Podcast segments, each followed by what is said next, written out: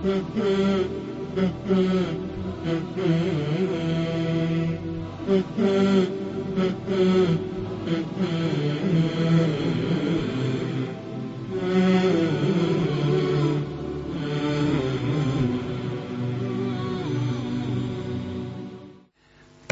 لله والصلاة والسلام على رسول الله Ovo ناش دوانا 12. ما شاء الله تبارك الله nastavljamo sa propisima, poglavljima vezanim za namaz. Jedno od poglavlja jeste veoma interesantno poglavlje i nažalost velik broj ljudi u našem podneblju, pogotovo malo stariji populaciji, ima sa tim poglavljem nejasnoće, a to je naklanjavanje onoga što je čovjek okasnio u namazu. Kad kajemo naklanjavanje, neko je pomislio ono, ideš na posao pa neklanjaš sava, podne, akšam i kindiju i onda se spojiš zajedno. O tome ne govorimo već govorimo o propisu da čovjek je došao u džemat i zatekao je džemat da su već nešto klanjali. Kako se ponašati, šta, jer ja znam dosta ljudi imaju dvije opcije. Ima čovjek kad vidi da su počeli klanjati, on se vrati kući, jer ne zna šta će. Ima drugi, on uđe sa njima, bez obzira, klanjali reke a dva ili nikoliko, on će s njima predati selam.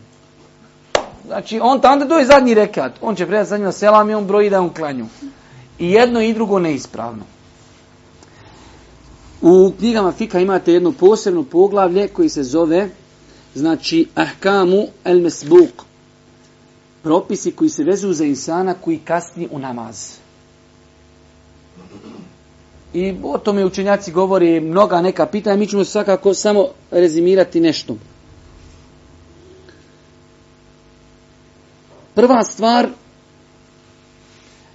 čovjek šta treba da stigni od namaza da bi se za njeg moglo kazati da je klanjao u džematu. Minimalno što bi trebao, znači čovjek da stigne, to je prvo pitanje, jeste minimalno što bi čovjek trebao da stigne od namaza da bi se za njeg brojalo da je stigao na džemat jeste jedan rekiat. Jer sjećate smo više puta citirali onaj hadis kad smo govorili o namaskim vremenima, men edrake rekaten, ko pristigne samo na jedan rekiat i kindije namaza, stigao je klanjati kindiju namaz. Pa je Boži poslanik Ali salatu Veseram ovdje propis vezao za rekiat. A rekli smo prošli put kako se rekiat stiže, da stignemo imama na ruku prije nego što se on ispravi. To smo pojasnili, jel tako? Bar se nadam da jer sam počeo da šta smo više sve pojašnjavali. Čovjek koji kasni u džamiju može biti u jednoj od dvije opcije.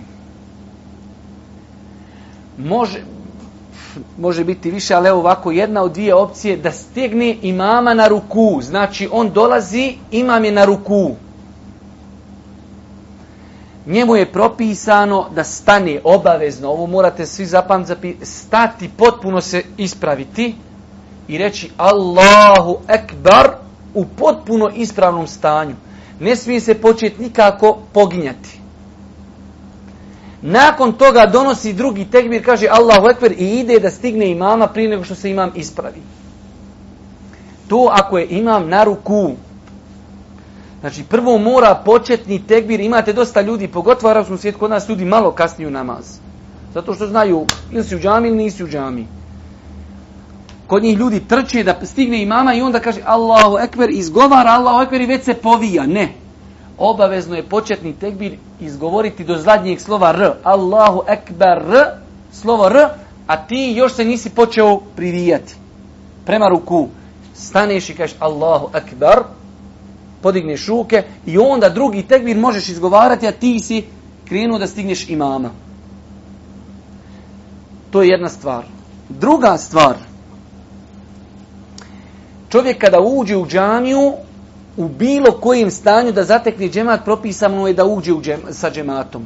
Zašto ovo govori? Ima ljudi, vidi, ljudi sjedi na etehijatu ili eventualno su dole na seždi, i on čeka veli dok oni dođu gore dok ustanu pa će se ja priključiti džematu, što je neispravno. Ne u smislu neispravno, nije napravio nikakav haram, ali je od sunneta da se čovjek priključi džematu u bilo kojim stanju da ih zatekne. Zate koji na seždi, Allahu ekber, kako smo pojasnili stojeći, Allahu ekber za seždu i dole sa njima na seždu. I nastavi sa njima klanjati ostalo. Ovo sve govorimo kako se priključiti džematu. Rek smo da bi stigao u džemat kao džemat, propis džemata, jeste trebaš jedan e, rekastić. Džematu ćemo se priključiti tako što ćemo samo kazati Allahu Ekber, početni tekbir i nakon toga drugi tekbir da bi otišli, da bi stigli džemat onda gdje je već stigao.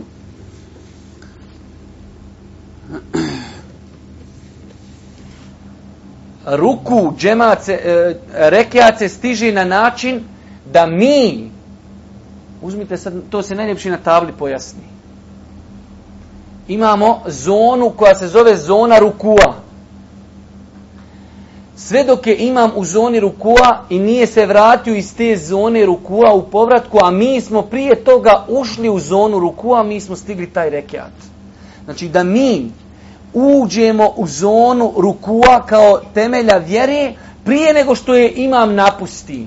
Ako mi to stignemo, stigli smo taj rekiat. Ti dođeš Allahu Akbar i ti vidiš hođa se već vraća. Taj rekiat ti nisi stigu.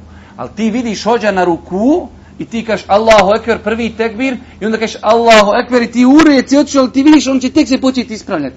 Ti si stigao. Jer prije nego što on napustio ruku, ti si na ruku stigu. To je veoma bitno zapamti kako znati da si stigao na ruku da si u zonu rukua. Ruku ima svoju zonu. 90 stepeni i možda gore još nekih 10-20 stepeni, to je sve zona rukua. Tu ako stigneš imama, stigao si taj rekiat.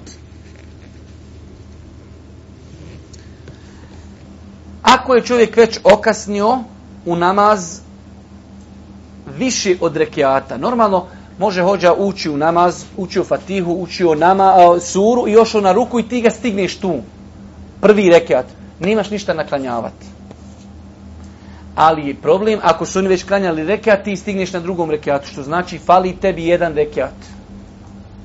Nakon što imam preda selam, kaže eselamu alikum, eselamu alaikum, ti koji si okasnio u namaz, ustaješ da naklanjaš ono što si propustio opet svaki namaz shodno namazu. I shodno onome koliko si okasnju. Sabah namaz ima dva rekiata. Ti moraš u svom namazu ima dva rekeata. Ako si njima stigao jedan, trebaš još jedan naklanjati. Ako si na podni namaz, stigao si dva rekiata, nakon selama ćeš ustati da, da stigneš još, da klanjaš još dva da bi namirio na četiri. Jer se radi o podni namazu farzu četiri. I e sada jedno od velikih pitanja, to je ono što ti naklanjavaš je li to početak tvog namaza ili je kraj tvog namaza. Ili drugim riječima kazano, ti kada si došao u džamiju, evo rećemo čovjek je na podni namaz okasnio dva rekiata. Došao on i sjedi na etehijatu, onom prvom etehijatu. I kaže, Allahu ekber, sjedi sa njima. Ustanu oni klanjaju dva rekiata, preda hođa selam, ti ustaješ, trebaš klanjati još dva rekiata. Ok. Ta dva rekiata, šta su oni? jesu li oni tvoji prva dva rekiata da bi ono što si već klanjao, oni jesu nakon uhođeni treći i četvrti. Ili ono što si ti već su prvi i drugi, ti trebaš klanjati još treći i četvrti. Shodno tome ćemo kazati šta ćeš učiti na rekiatima, jel tako? Ako kažemo, ono što si klanjio sa njima su tebi treći i četvrti rekiat, pa ćeš poslije klanjati prvi i drugi i trebaš na prvom učiti Euzu, Bismilu, Fatihu i Suru. Ako kažemo, ti onda kada si ušao sa imamom, to je tebi prvi rekiat i drugi rekiat, i ako njima treći i četvrti, onda ćeš naklanjavati treći i četvrti. Ne znam, jer me možete stići pratiti u razmišljanju onoga što govorim. Ispravno je, braću moja draga, ovo vam je najlakši zapam. Kad god ulaziš u džemat, kažeš Allahu ekber, ovo je početak mog namaza. Ne moraš tu reći naglasiti, jer namaz. Ali u srcu, kažeš Allahu Ekber, ja počinjem klanjat. Koliko rekiata stigneš, alhamdulillah, to je tvoj prvi, drugi treći rekiat. Što ti fali naklanjavaš ostatak treći, četvrti rekiat. Znači ono kad dođeš, to je početak tvog nama. To je najbitniji zapamt. Kad ulaziš sa imamom, a okasnio si, kažeš Allahu Ekber, priključiš se njima ondje gdje su stali i to je početak tvog namaza. Brojiš rekiate, jedan, dva, tri, koliko sve stigo, kad oni predaju selam, ustaješ da namiriš ono što treba da taj namaz tvoj bude potpun. Ako vam nije jasno, recite, ja ću ponoviti još 20 puta dok nam svima ne bude jasno. Znači čovjek kada okasni u džemat, priključuje se na način što će kazati Allahu Akbar početni tekbir i otići na mjesto gdje je već džemat stigao. To je početak njegovog namaza. Ako imama stigne na ruku, prije nego što imam napustio ruku, broji taj rekija da ga je stigao. Ako ga nije stigao, imam se vratio, taj rekeat skroz briše, sljedeći tek, ako ima sljedeći, broji ga da ga je stigao. Tako se može desiti da čovjek dođe u džemat, oni se vraćaju sa on kaže Allahu ekber. Kad ono četvrti rekiat u njima sjedni s njima na tehijatu, oni predaju selam, ustaje iz početka. Allahu ekber i četiri rekiata naklanja. Ako je u pitanju podni namaz. Također, ono malo prije što smo malo prije govorili za kako se uči. Sad ovaj čovjek naklanjava. Hoće li naklanjavati u sebi ili na glas? Shodno namazu kojeg naklanjava, znači i shodno vremenu i prostoru. Ako je namaz koji naklanjava puno okasniju, pa ima u njemu rekiata gdje se uči naglas, uči će naglas, ostali će učiti u sebi i tako dalje. U svakom slučaju ponašat će se kao da klanja sam, znači shodno onaj tome će učiti naglas ili u sebi. Sada nam dolazi, ne znam, ti si imao pitanja oko, oko ulazak, ulaska, jer, smo sve zaokružili što si trebao. Ili imaš nešto? Dobro kojeg namaza? Dobro. Nama je to prvi rekao. Da. Na... Da. Učiš, e ovo je dobro pitanje. Znači, onog momenta kad uđeš sa hođom, bez obzira što je to, to u osnovi priključivanje džematu isključuje mnoga pravila. Ali to je tako, Allah je tako dao, Okasnije si isključuješ mnoga pravila. Kao što kaže naš brat na podni namaz si došao, oni već klanjali reke, a ti se priključio, njima je drugi tebi prvi. I sjedate. Normalno ti šušit etehijatu zato što je to slijedjenje tu imama, iako po tvom slijedu tebi ne treba sad učiti etehijatu.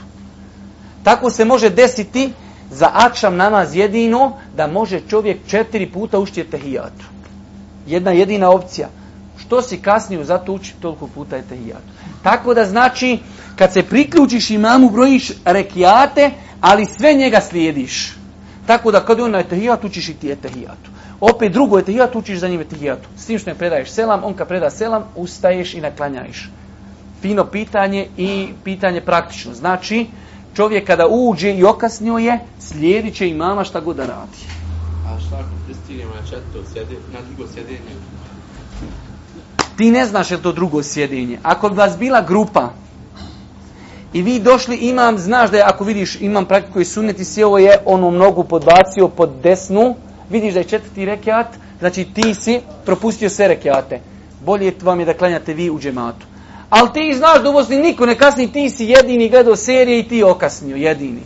Priključ se džematu, bolje ti da i to stigneš nego da klanjaš poslije sam. Znači poslije samo naklanjaš. Da, poslije naklanjaš se četiri rekiata i halale husa materi. Već da. Znači imamo etahijat. Treći imamo etahijat. Četvrti etahijat. Zato sam ti rekao... To ako... Da, da. Ako si stigo, oni su, ti dolaziš, oni sjedi na etehijatu, prvo etehijatu. Sjedniš s njima, učiš ga jednom. Nakon toga oni ustaju jedan rekiat, klanjaju to i prvi rekiat njima treći, drugi put etahijatu. Ustaješ koji tebi rekiat? Drugi. Pa ćeš opet nakon drugog učiti još jednom etehijat. Pa ćeš još jedan rekiat, pa ćeš još jednom etehijat. Džaba je, pokvario si sistem, citav virus i ušli do bola. Ali ne može drugačiji. Tu ljudi griješi. Ljudi tu, kad ta se situacija nerijetko dešava na, na, na akšamu, da stignu džemat na etahijatu. I onda ljudi znači naklanjavaju bez onog drugog sjedinja. On ustane i klanja dva rekiata bez etehijat, što je greška. Klanjaš jedan rekijat, pa opet učiš etehijatu, pa tek treći rekijat. U svakom slučaju pravilo veliko. Ulazim sa imamom, to je početak mog namaza, brojim rekiate koliko sam sa imamom klanjao, ostatak ću naklanjati i završena stvar. Ono što sam ušao u namaz je moj početak, ono što ću naklanjati je moj kraj. Čega treći? Odmah definiši. Treći to može biti akšama, podne ikindije, teravije. Ikindije. Dobro? Znači, e, to je hođi prvi i drugi, ona, treći, četvrti reke, a meni je prvi i drugi. Ekstra. Na, na, na za ne, nego na, na, na, na, na sjedin uči se etehijat salavati i dove, to ne uči, a mogu ja samo etehijatu. Možeš, a uči sve, jer vidi, zapamti isto jedno pravilo, u namazu nema nešto što se zove šutnja. Uvijek ima nešto što se uči. U tom momentu ti učiš etehijatu i salavata i dovu. Sve.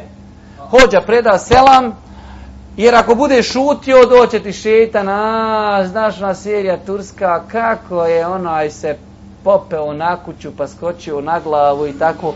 Bolje ti za, za, za, zaokupiraj se učenjem zikra. A, sam samo nema smetnje. Inšala, vizla nema smetnje, ali ti bolje da proučiš sve ostalo.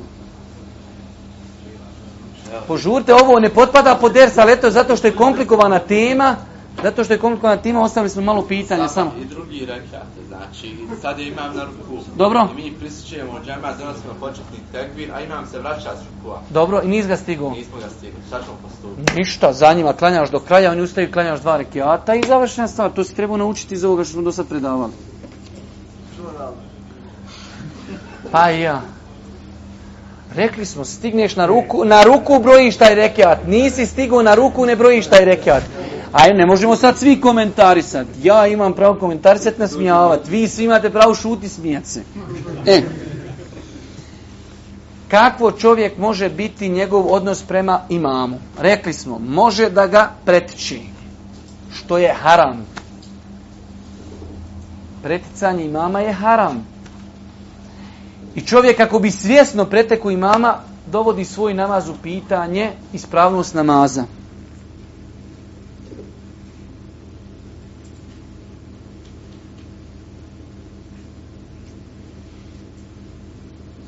Znači, kad bi čovjek tu zaista uradio, kaj znam da je svjesno ću raditi, svjesno ću preteći mama. Velik gruj kaže da je to pokvarilo njegov namaz. Preticanje imama svjesno možete desiti čovjeku šta ja znam, zamisli se i ono, hođe da kaže, aj, kažemo Allahu Ekber, on se zamisli i dok hođe kaže Allah, i on ode prije njega, pretekne ga nesvjesno. To ne kvari. Ali čovjek svjesno uradi, vidi da hođa stoji i on ode prije njega na ruku. To, znači, po velikom broju čenjaka kvari namaz. Druga stvar jeste slijedženje imama. I to je ono što je propisano.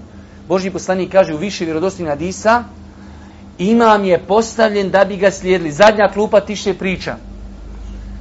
Imam je, kaže, postavljen da bi ga slijedili, pa kada donese tekbir, i vi donesite tekbir.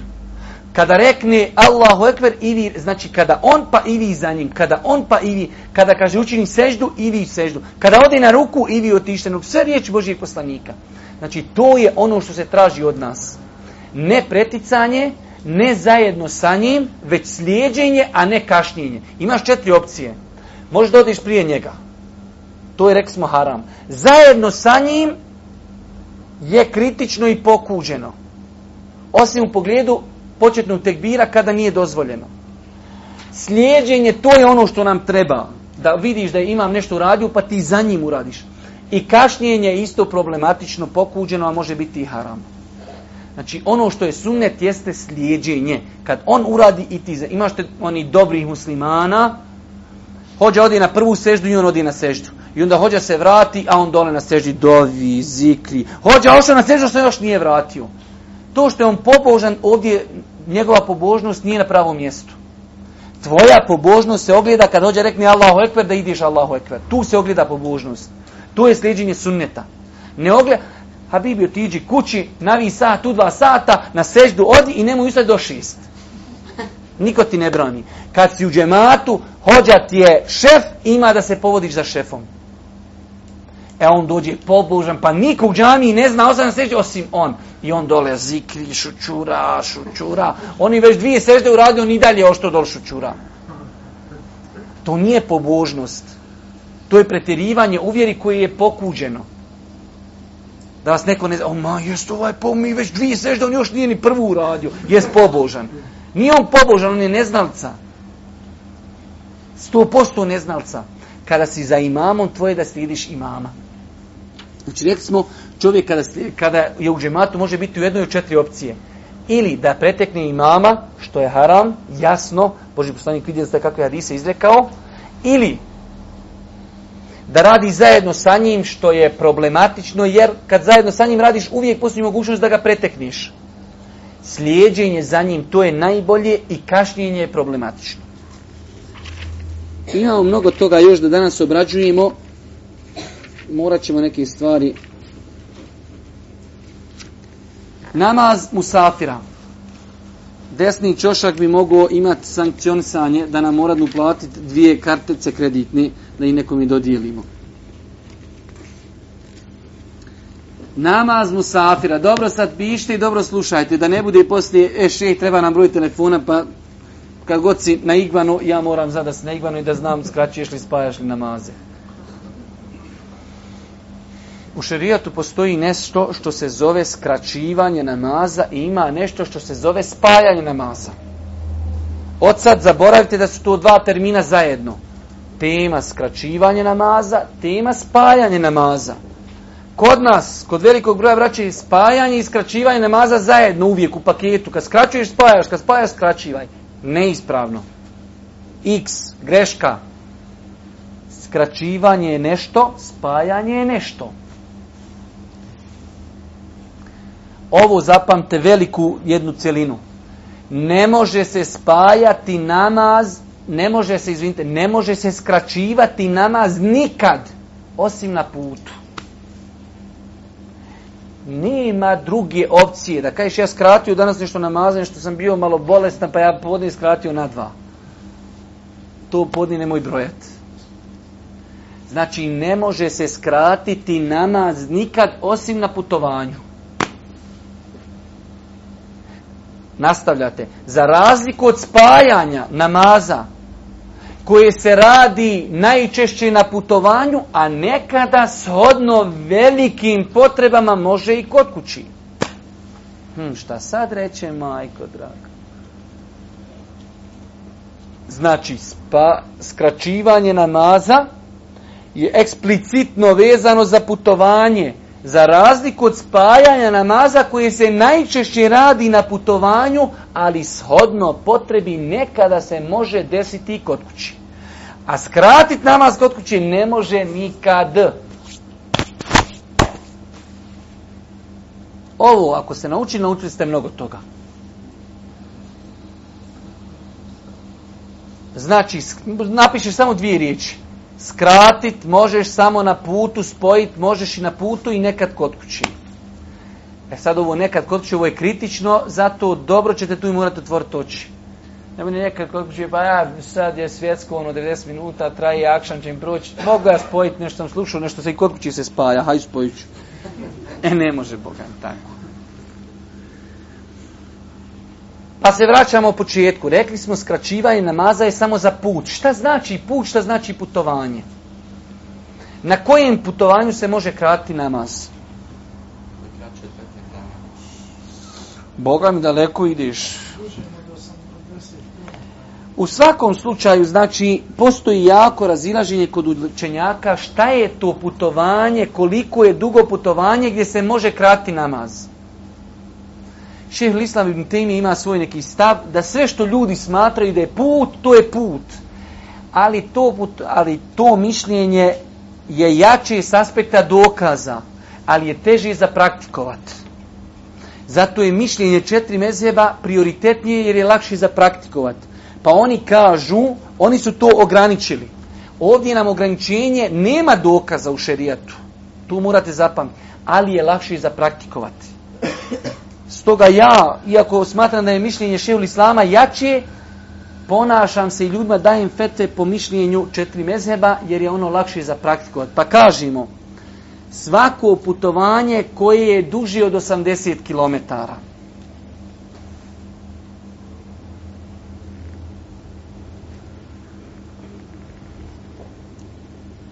Na tom putovanju se može skratiti četvero rekiatni namaz da mi neko ne bi skratio sabah i akšam. Sabah na jedan, a akšam na jedan i pol. Zrna majko, šta sve ljudi radi.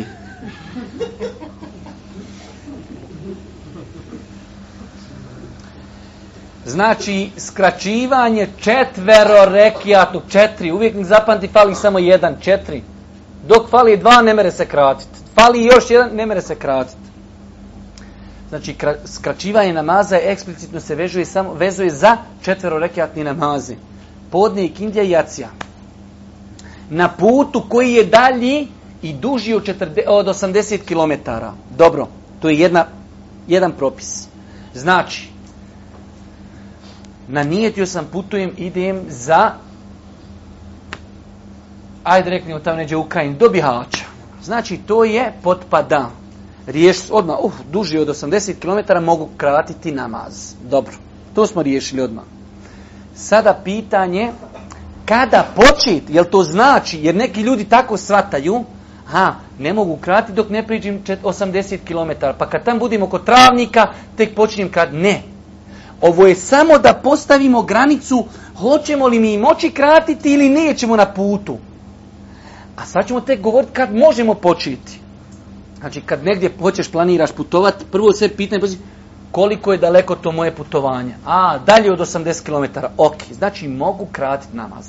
Kad počinjem, počinješ onog momenta kada napustiš svoje naselje.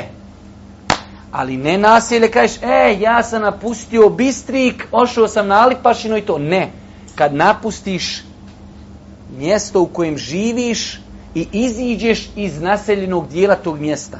U ovom slučaju Sarajeva. Jer Bistrik je sastavni dio Sarajeva.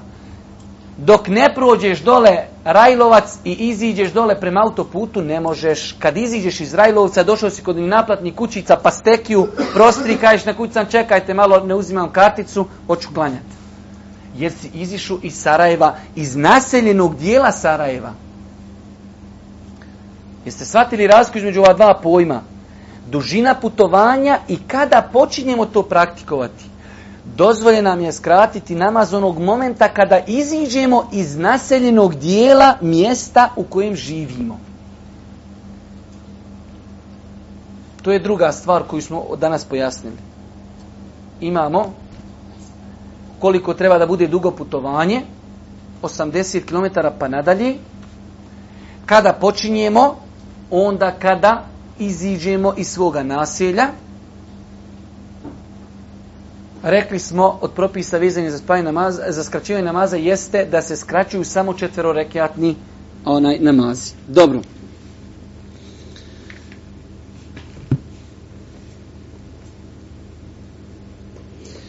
Isto tako, nerijetko se postavlja pitanje na kojim putovanjima kao vrsta putovanja se mogu koristiti ove olakšice. Inače, skraćivanje namaza na putu je Allahova olakšica ovom ummetu. Pa mi kažemo na svim vrstama putovanja. Kaže čovjek, ja idem poslovno. Može. Kaže drugi, ja nosim poštu, poštar. Može. Kaže, ja idem da gledam neku sestru, pošto smo se upoznali preko Facebooka, pa da je vidim uživo, da vidim jesmo li jedno za drugog udaja. Može. Kaže neki ja idem na kupanje prema Neumu. Iako mi imamo taj stav da li se može ići u Neum, kažemo tjela oprosti Neum, ali skraćuj za ko hoćeš. Znači na svim vrstama putovanja. Kratko jasno, nemojte me sutra više e, še, ja znaš, ti nisi spomenuo, ja idem, hoću ples čarape vunene dole neđe u Jančima. I ne čarape, sve može. Znači zapamti svako putovanje. Gimnastika, gimnastika, sve živo.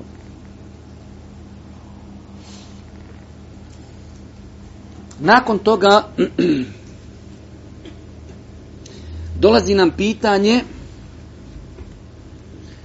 ako bi se desilo, govorimo cijelo vrijeme samo o skraćivanju namaza, čovjek će se tako ponašati ako on klanja sam ili klanja on džematu. Ali ako se desi da čovjek klanja u džematu, kojeg predvodi imam koji klanja potpun namaz, onda mu je obaveza šta? Da klanja potpun namaz.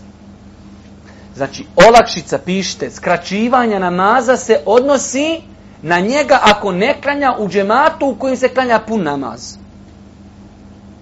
Olakšica skraćivanja namaza se odnosi na njega osim ako klanja u džematu u kojim se klanja pun namaz i on klanja za imamom, on će klanjati pun namaz. Da ne bude hođa klanja podne i on kaže ja ću na dva rekata izići na prvoj stanci, ona je tehijat kao ja sam musafir. Musafire ne može, klanjaš za hođom. Boži poslanik kaže imam vam je postavljen da bi ga slijedili. Imam se slijedi. Ako ti možeš biti imam, klanjaj dva rekiata pa da oni ustanu naklanjati još dva, to je ekstra. Ali ako je imam, klanja potpun namaz, a ti mu safir, klanjaš potpun namaz. Jesmo to završili? E sada, rekli smo da putuje više od 80 km, ok. Ali kaže, ja ode u Bihać i gore ću sjet 15 dana. Ali meni je Bihać gore, nije moja adresa, ja sam na Bistriku. Ja gore imam nekog posla, imam nešto studije, dok tu sestru vidim gore sa Facebooka i tamo vamo 15 dana. Jesam li ja gore u safir ili nisam? Mi kažemo sve dok nisi ocijao u tom mjestu s nijetom da tu boraviš, ti si mu safir. Ovo zapamte, ovo će vam trebati jer ćete mene opet zvat. Evo ja u Bihaću, ali 16. dan sad ona s Facebooka još je nisam našao jer ona je virtuelna, nema je. E, muško.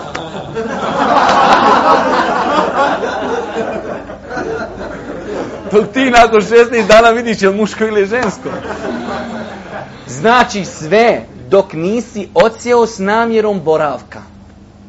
U islamu čovjek može imati više mjesta gdje boravi. Čovjek kože ima ženu u Zenci i u Sarajevu. Kad je u Zenci boravi u Zenci, kad je u Sarajevu boravi u Sarajevu. Ali ti ošao si u Bihać i zaista imaš namjeru 15, 20 dana, mjesec dana, nije sporno. Cijelo to vrijeme si musafir, ali musafire, ti kad si tu, kad čuješ ezan, tebi ove za u džamiju. Ali da se desi da si tu negdje iz nekih vanrednih okolnosti nisi bio u džematu i klanjaš dva rekeata ako hoćeš. Ali kad ideš u džemat, vraćamo se na ono staro pravilo, klanjaš za imamom. Ali ako se desi da ti u tom bihaću negdje si otišao na izlet i nisi klanjao u džematu, klanjat ćeš dva rekiata. Jel ovo sve do sad jasno? Nešto mi slabo klimate glavom. Jel do sad sve ovo jasno ljudi? Šta li ćete klanjati, sam Allah zna. Znači, kad negdje odete, otputujete i u tom mjestu ste osjeli kao musafiri, niste osjeli tu da ste došli da boravite tu.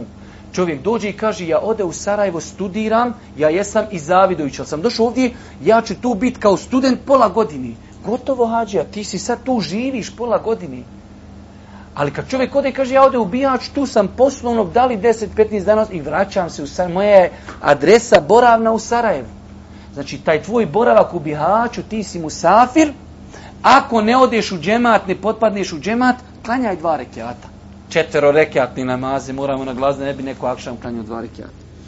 To je, braću moja draga, sažito, kratko, najkraće što može biti o kraćivanju namaza. Nakon toga dolazimo do spajanja namaza.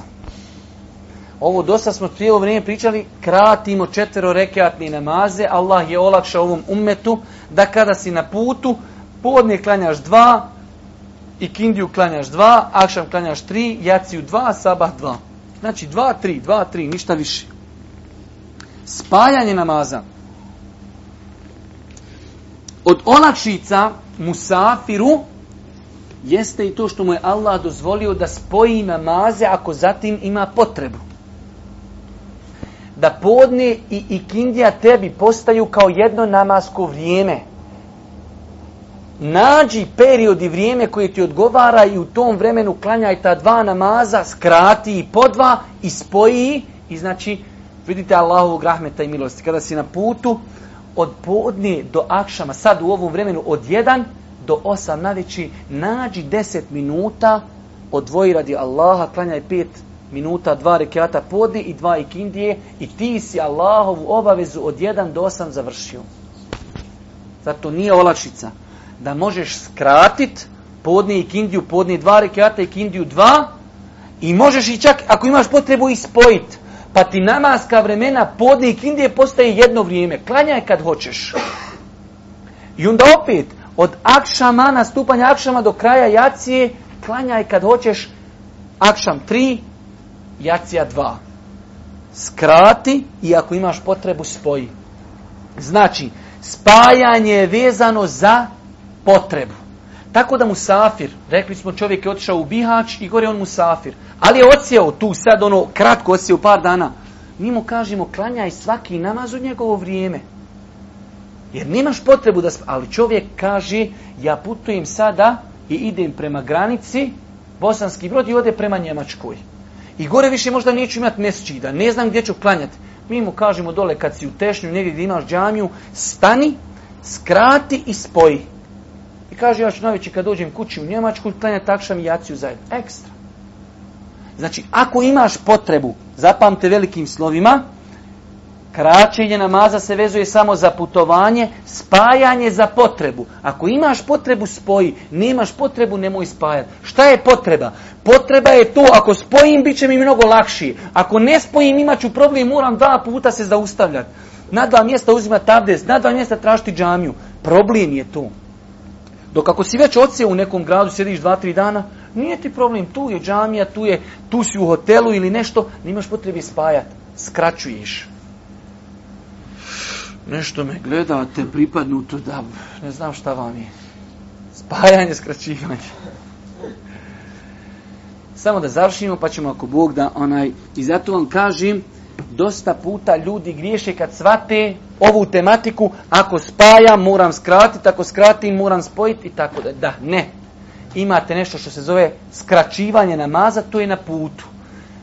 Spajanje namaza je vezano za potrebu koja je najčešća na putu. Može se desiti u malim, iznimnim situacijama čovjek i kod kuće nekad spoji namaz. Kao čovjek koji je mnogo bolestan. Žena koja ima neprestano krvarenje, teško uzimati abdest, mi joj kažemo spoji namaze, podne i kindiju, akšam i jaciju, ali to u najužim oblicima.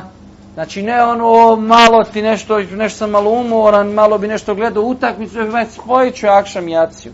Nema od toga ništa.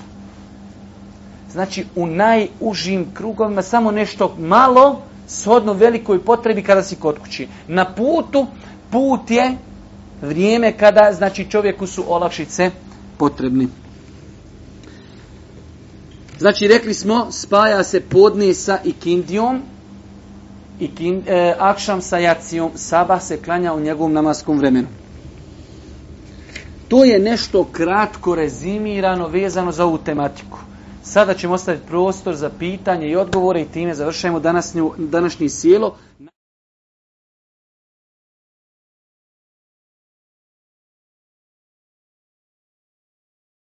Kada je nekomu safir u pogledu džume on može biti u jednoj od dvije situacije. Da je insan koji je odsjeo u mjestu, u koj, zaustavio je se u mjestu u kojem se klanja džuma. Primjer, krenuo si na putovanje u Bihać, I do, ali imaš u planu kada dođeš u travnik, doćeš u 11 sati, odmorit ćeš u travniku kod sestre do 3 sata. Znači ti si u travniku u periodu kada se klanja džuma i ne kričiš se. Sjediš, odmaraš tebi ovaj zaklanja umre. Imaš drugu opciju, idem u Bihać, ali se ne zaustavljam. Samo vozim. Ovdje ću krenuti u devet, u Bihać sam tek u četiri. Tada nisi ovaj zaklanja umre. Ako se zaustaviš da je klanjaš, Allah će ti u Kabul tako bol. Čovjek, kada se vraća u mjesto boravka, može se desiti da je od primjera radi čovjek je bolje bio primjer, kažeš vraćam se kući u Bihać, i dolazim u jacijsko vrijeme, ali ja akšam nisam klanju. Tada ti mi kažemo ti imaš opciju spajanja zato što ti je šerijat bio dopustio da odgodiš akšam jer si mu safir. Tada kod kuće spojiš akšam i jaciju, ali ne možeš kratiti. Zašto? Zato što rekli smo kod kuće nikad nema kraćenja. Jesi razumio ovu? Znači kada dolaziš kući, od tog istog momenta tebi završava kraćenje. Još ti ostaje opcija spajanja. Ako je eventualno namasko vrijeme još u toku, a ti si namaz jedan odgodio, spojiš te namaze i završena stvar. Ako bi došao, pretpostavimo kući u u akšamsko vrijeme, a bio smo safir, klanjaš akšam, čekaš sa svojim džematljama jaciju, klanjaš jaciju. Dakle, nije vrijeme. Ne, ne mijenja se toliko naglo, ali znači boj se Allah koliko možeš. Po svom vremenu, tako da Nije. Po vremenu koji je u avionu. Zašto? Zato što jednostavno tu, ja sam evo sad dosta puta kad putujem, u, u Medini sjedam u avion prije nastupanja sabaha. Slijetanje u Tursku već je sabah završilo namasko vrijeme. Šta ja moram raditi? Ja ne mogu ni klanjati po medijinskom ni po turskom. Ja klanjam, otvorim sebi prozor, ne otvorim prozor da bi izletim kroz prozor. Da otvorim prozor da vidim. I gledam, kad ugledam da se sunce, da se počelo svanjavat, Allahu ekber i klanjam. To je to. S tim što opcija aviona i rekli smo i, i onaj autobusa i slični ti prijevozni sredstava, čovjek tu klanja samo u opciji ako zna da će se, znači baš ovakva opcija. Ušao si u avion, nije nastupilo vrijeme, iziđeš iz aviona, prolazi namaska vremena, ali ako imaš opciju da klanjaš na zemlji u normalnim uvjetima okrenut prema kibli stojeći, a nisu istekla namaska vremena koja možeš spojiti, klanjaš na zemlji. Ne treba klanjati u avionu osim namaz za kojih se bojiš da će isteći namasko vrijeme. Kad se spaljaju namazi, ako se klanjaju u džematu, uči se jedan ezan i dva ikameta. Znači, još smo na podni, negdje nismo grupa, idemo opet u vihaču, moju krajinu, u moju krajinu zato što je moja Bosna čitava. Onaj, negdje smo se zostali, hoćemo klanjati, kažemo čovjeku gdje nam prouči jezan, prouči jezan i kamet za podne, prouči i kamet, klanjamo, predamo selam nakon dva rekata i uči i kamet, opet onaj kako se zove, klanjamo i kindju jedan jezan i dva i kameta.